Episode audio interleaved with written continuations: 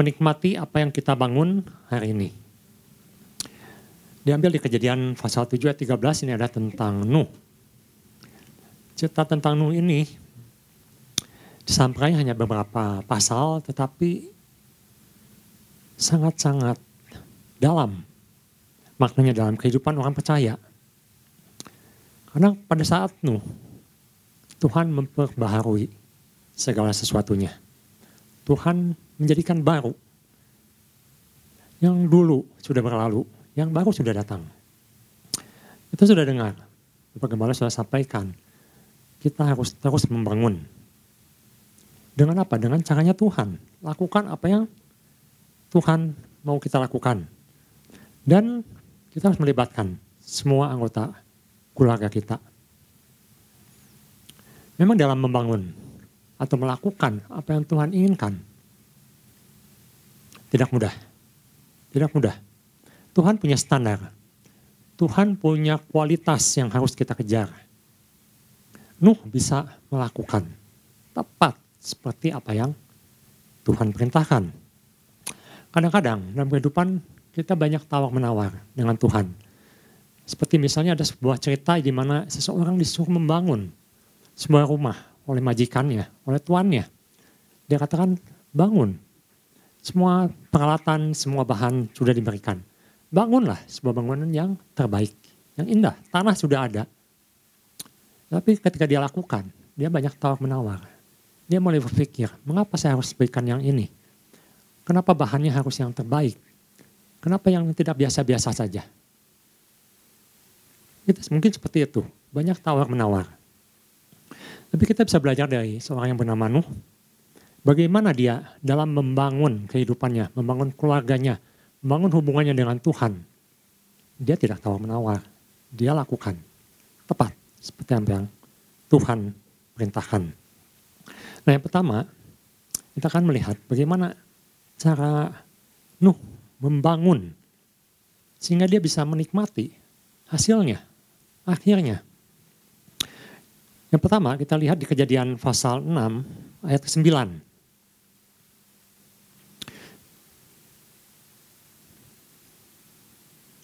Di situ katakan, inilah riwayat Nuh. Nuh adalah seorang yang benar dan tidak bercela di antara orang-orang sejamannya.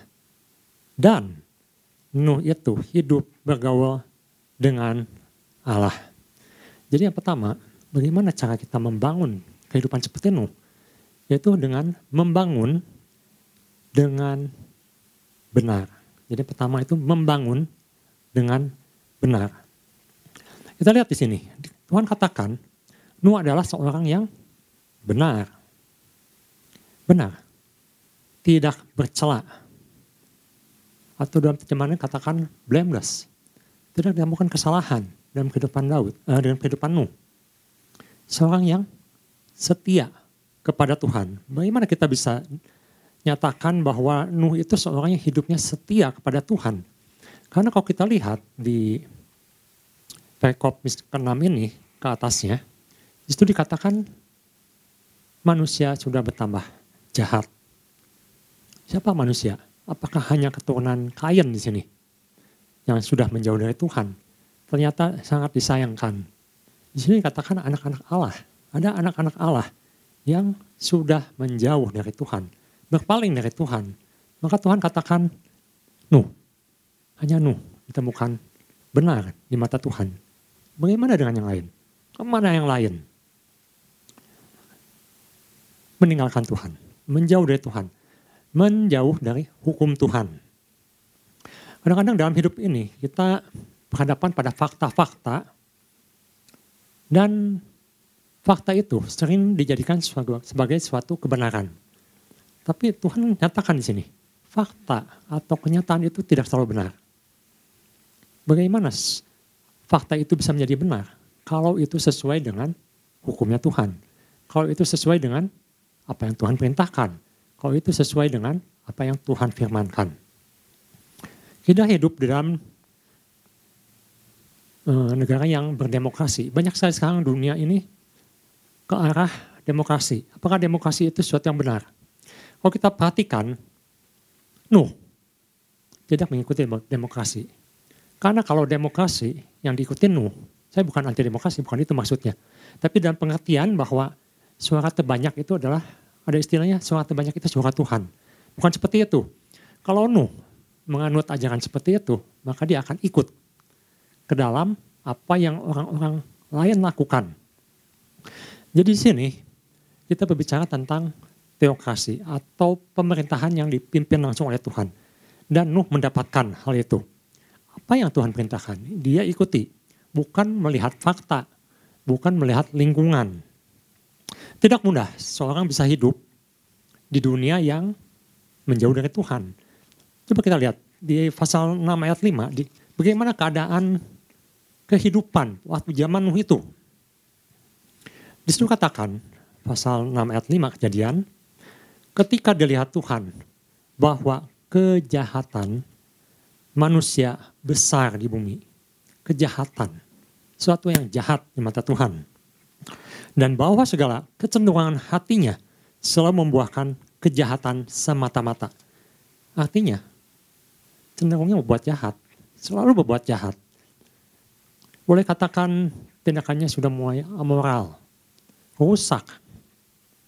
Penuh dengan kekerasan. Di ayat 13 dikatakan penuh dengan kekerasan, kejahatan. Dan yang terutama, mengapa manusia bisa hidup seperti itu? Dikatakan, Nuh itu hidup bergaul dengan Allah. Ini sesuatu yang hilang. Ketika seorang hilang hubungan dengan Tuhan, ketika seorang meninggalkan komunikasi dengan Tuhan, ketika seorang menjauh dari hukum-hukum Tuhan, maka hal-hal yang seperti ini terjadi. Bahkan Tuhan Yesus katakan, di akhir zaman akan terjadi seperti ini lagi. Di zaman tempat kita hidup sekarang, kita alami apa yang Nuh alami, persis seperti yang Nuh alami. Kalau kita berbuat benar, maka kita akan dijauhkan, dikucilkan, tidak diterima. Ada seorang aktor namanya Neil Donoff. Dia orang Kristen. Dia anak Tuhan. Dia orang yang takut Tuhan. Dia katakan, selama dua tahun, demi mempertahankan imannya, dan dia tidak mau melakukan adegan-adegan yang tidak sesuai dengan firman Tuhan, termasuk adegan-adegan kekerasan atau seks, apa yang terjadi? Dia katakan selama dua tahun dia dikucilkan. Selama dua tahun dia tidak dikasih order, dia tidak dapat pekerjaan. Mengapa? Karena perusahaan-perusahaan menuntut dia untuk melakukan atau berakting untuk hal-hal yang dikatakan seperti zaman Nuh ini. Yang amoral. Satu yang tidak pantas untuk dilihat. Dia nyatakan imannya. Dia katakan dia sayang istrinya. Dia tidak melakukan apa yang tidak Tuhan inginkan. Suatu yang berat untuk Nuh. Suatu yang berat untuk anak-anak Tuhan ketika dunia menolak, dunia mengucilkan standar kebenaran firman Tuhan tidak bisa dilakukan lagi. Tapi kita lihat di sini, Nuh dikatakan hidup bergaul dengan Tuhan atau dengan kata lain dia berjalan dengan Tuhan. Dia mempunyai hubungan relasi yang erat dengan Tuhan. Kita bisa bayangkan ketika Nuh membangun Bahtera di gunung. Di kejadian pasal 2 ayat 4 sampai 6 kita lihat secara cepat. Kejadian 2 pasal 4 sampai 6 kita mungkin bisa melihat sedikit karena banyak yang menafsirkan waktu itu. Demikianlah hibayat langit dan bumi pada waktu diciptakan ketika Tuhan Allah menjadikan bumi dan langit belum ada semak apa pun di bumi, belum timbul tumbuh-tumbuhan apa pun di padang sebab Tuhan Allah belum menurunkan hujan ke bumi dan belum ada orang untuk mengusahakan tanah itu. Jadi banyak yang menafsirkan waktu zaman Nuh itu belum ada hujan. Kita bisa bayangkan, Nuh akan dianggap gila oleh orang. Membangun perahu, kapal di atas gunung yang tidak ada air. Bahkan mungkin saat itu pun hujan pun belum ada.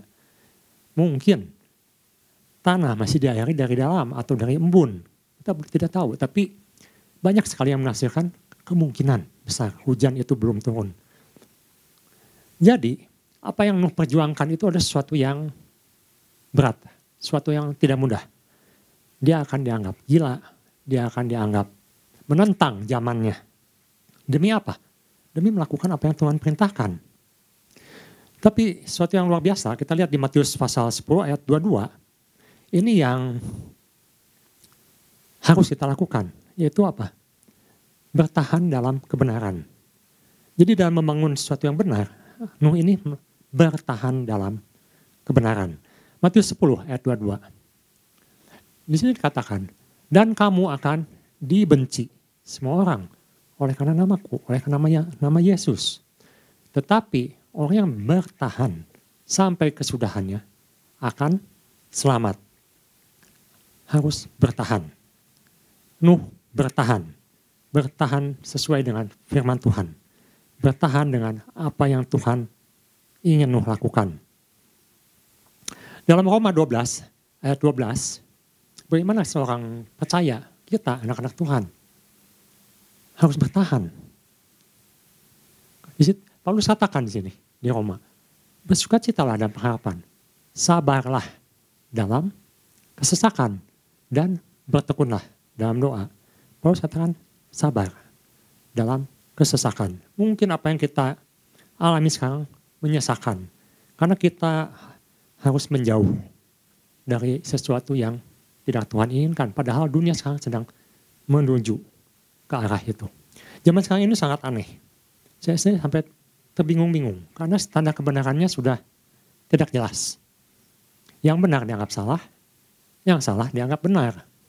Lalu siapa yang benar? Yang disukai orang. Standarnya apa? Suka. Kalau banyak yang suka, banyak yang like, baik yang follow, dianggap benar. Lalu standar kita apa? Apa kita mau ikut? Sesuatu yang di like itu, sesuatu yang di follow itu, atau kita mau seperti Nuh. Aku ikut standar kebenaran Tuhan. Aku mendengar suara Tuhan. Aku akan lakukan tepat seperti apa yang Tuhan suruhkan. Harus bertahan. Bertahan dalam kebenaran. Yang bagian kedua, bagaimana kita bisa membangun dengan benar. Yang kedua, kita harus lakukan yang terbaik. Do your best. Ketika saya renungkan bagaimana cara Nuh bertahan dalam kebenaran, dia lakukan yang terbaik. Bukan terbaik ini ada dua. Yang pertama ini mengenai pintu yang masih terbuka. Kita perhatikan, semenjak Nuh membangun Bahtera, dari awal sampai akhir ada pintu yang masih terbuka. Kalau orang berpikir Tuhan akan melenyapkan semua manusia tanpa hati nurani, tanpa kesempatan, makanya saya menemukan di sini, kalau Tuhan itu sangat peduli dengan manusia, Tuhan masih memberikan kesempatan. Ada pintu yang masih terbuka. Berapa lama pintu itu terbuka? 100 tahun, Bapak Gembala sudah jelaskan men. 100 tahun Nuh membangun batra itu. Kalau boleh dikatakan, 100 plus 7 hari. 7 hari dari mana? Di situ dikatakan, mari kita lihat di ayat pasal 7, ayat 9 sampai 10. Ini sesuatu yang ajaib. Datanglah sepasang Pasal apa? Binatang-binatang mendapatkan Nuh ke dalam Batra. Banyak yang menafsirkan atau memikirkan bagaimana cara binatang itu dimasukkan oleh Nuh. Bagaimana dia mendapatkan semua binatang-binatang yang mungkin ribuan atau puluhan ribu. Ada yang menafsirkan binatang itu datang kepada Nuh. Binatang itu mendapatkan Nuh. Kita kita pikirkan sejenak. Binatang saja menurut apa yang Tuhan perintahkan ada yang sepasang, ada yang tujuh pasang. Datang kepada Nuh. Berapa lama mereka masuk? Kita lihat lanjutkan. Jantan dan betina seperti yang dipintakan Allah kepada Nuh. Ayat ke-10, setelah tujuh hari datanglah air bah meliputi bumi. Seratus hari plus tujuh hari terakhir. Kalau kita hidup di zamanmu, melihat begitu banyak binatang yang datang, apakah kita tidak akan berpikir ada apa ini? Binatang saja datang masuk ke dalam pintu yang masih terbuka itu. Mana manusianya? Tidak dicatat. Ada manusia yang ikut masuk ke dalam pintu yang masih terbuka itu. Kecuali Nuh dan keluarganya, delapan orang. Mana yang lain? Di 2 Petrus 2 ayat 5, ini gambar saya bawakan. Nuh terus menerus menyampaikan kebenaran firman Tuhan. Mengajak manusia untuk bertobat, untuk ikut masuk. Jadi Tuhan bukan menutup pintu, Tuhan berikan waktu 100 tahun. Plus 7 hari ketika mereka melihat binatang pun masuk. Kenapa mereka tidak masuk? Kita, kita lihat di 1 Petrus 3 ayat 20. 1 Petrus 3 ayat 20. Saya melihat di sini Tuhan itu adil. Tuhan itu penuh kasih. Tuhan akan menghancurkan, Tuhan akan membasmi, tetapi Tuhan berikan kesempatan. Kita uh, lihat yang bagian B-nya, di sini memang dikatakan Yesus waktu disalib. Dan di sini bisa diperdapatkan ayatnya, tetapi ada sesuatu yang menarik yang bagian B-nya. Yang kita lihat hubungan dengan Nuh. Mereka yang dahulu pada waktu Nuh tidak taat kepada Allah. Jelas sekali sini katakan, tidak taat kepada Allah. Tidak mau menurut kepada Allah. Ketika Allah tetap menanti dengan sabar. Menanti 100 tahun plus 7 hari. Dengan sabar. Waktu Nuh sedang mempersiapkan bahteranya. Di mana hanya sedikit, yaitu 8 orang yang diselamatkan oleh air bah itu. Jadi Tuhan membuka pintu. Pintu yang masih terbuka. Pintu untuk mengundang semua orang ikut, bergabung. Itu saat ini kita mengalami zaman-zaman seperti zaman Nuh. Tuhan masih membuka pintu. Tuhan masih mengundang. Tanda-tanda sudah jelas. Kalau kita lihat di sini binatang-binatang sudah mulai masuk. Tanda-tanda sekarang juga sudah jelas. Tanda-tanda kejahatan sudah jelas. Tanda-tanda orang menolak Tuhan sudah jelas tanda-tanda orang tidak taat pada firman. Sudah jelas. Tapi Tuhan masih membuka pintu. Sampai kapan? Sampai Tuhan menutup pintu. Kejadian 7 ayat 16. Dan yang masuk itu adalah jantan dan betina dari segala yang hidup, seperti yang dipintakan Allah kepada Nuh. Nah ini yang bagian B-nya. Lalu Tuhan menutup pintu batra itu di belakang Nuh. Siapa yang menutup pintu? Nuh? Bukan. Istri Nuh? Bukan. Anak-anak Nuh? Bukan. Orang-orang yang di luar? Bukan. Yang menutup pintu adalah Tuhan sendiri. Kalau kita perhatikan, ada pintu yang terbuka, lebar-lebar. Sampai Tuhan menutup pintu itu. Ketika pintu itu ditutup, maka tidak ada seorang pun yang bisa masuk lagi. Hanya Nuh dan keluarganya. Ini yang menjadi suatu apa yang perlu kita renungkan sungguh-sungguh. Bapak Gembala katakan melibatkan semua anggota keluarga. Jangan sampai ada yang tertinggal. Saya sendiri rindu, saya sendiri masih punya saudara-saudara yang masih mengeraskan hati. Walaupun tanda-tanda sudah jelas, firman disampaikan, bahkan di grup family. Kita saling membombardir dengan firman Tuhan, saling terus setiap hari ada yang mensiaringkan firman Tuhan, mengingatkan tentang zaman ini tapi masih mengeraskan hati. Kita perlu doakan untuk orang-orang ini. Karena pintu itu, banyak yang menafsirkan juga, pintu itu adalah Kristus sendiri. Satu-satunya pintu yang masih terbuka. Saat ini masih terbuka. Satu hari Tuhan akan tutup. Tidak bisa lagi masuk. Siapa yang bisa masuk lagi? Kalau Tuhan sudah menutup pintu itu. Ini perlu kita doakan. Masih ada pintu yang terbuka. Yang bagian kedua, kita harus bertahan dalam masa penantian. Jadi, jadi yang bagian A, jadi kita harus doakan semasih pintu itu masih terbuka. Untuk saudara-saudara kita, family kita, anggota keluarga kita yang masih di luar pintu itu, yang belum masuk. Yang kedua, bagian dua, bertahan dalam masa penantian. Kejadian 7 ayat 13. Pada hari itu juga, masuklah Nuh serta Sem, Ham, dan Yafet, anak-anak Nuh dan istri Nuh, dan ketiga istri anak-anaknya bersama-sama dengan dia ke dalam bahtera itu. Berapa lama Nuh berada dalam bahtera? Ada yang sudah menghitung, kurang lebih katanya sekitar 500 hari, hampir satu tahun. Kita lihat, Nuh membangun 100 tahun berada dalam bahtera 500 hari. Oh, maaf, 500 hari itu berarti satu tahun lebih ya. Satu tahun lebih. Satu tahun lebih. Bagaimana kita bisa hidup di dalam bahtera tanpa sesuatu yang jelas? Karena di situ semua tertutup rapat. Semua tidak terlihat, hanya terombang ambing. Bagaimana Nuh bisa bertahan dengan keluarganya? Kita lihat di kejadian 3 ayat 13, Nuh masuk bersama dengan keluarganya. Tetapi ada sesuatu yang menarik. Kejadian 8 ayat 1. Maka Allah mengingat Nuh. Ini pesan ini pernah kita dapatkan. Tuhan tidak lupa. Allah mengingat Nuh dan segala binatang liar dan segala ternak yang bersama-sama dengan dia dalam bahtera itu. Dan Allah membuat angin menghembus melalui bumi sehingga air itu turun.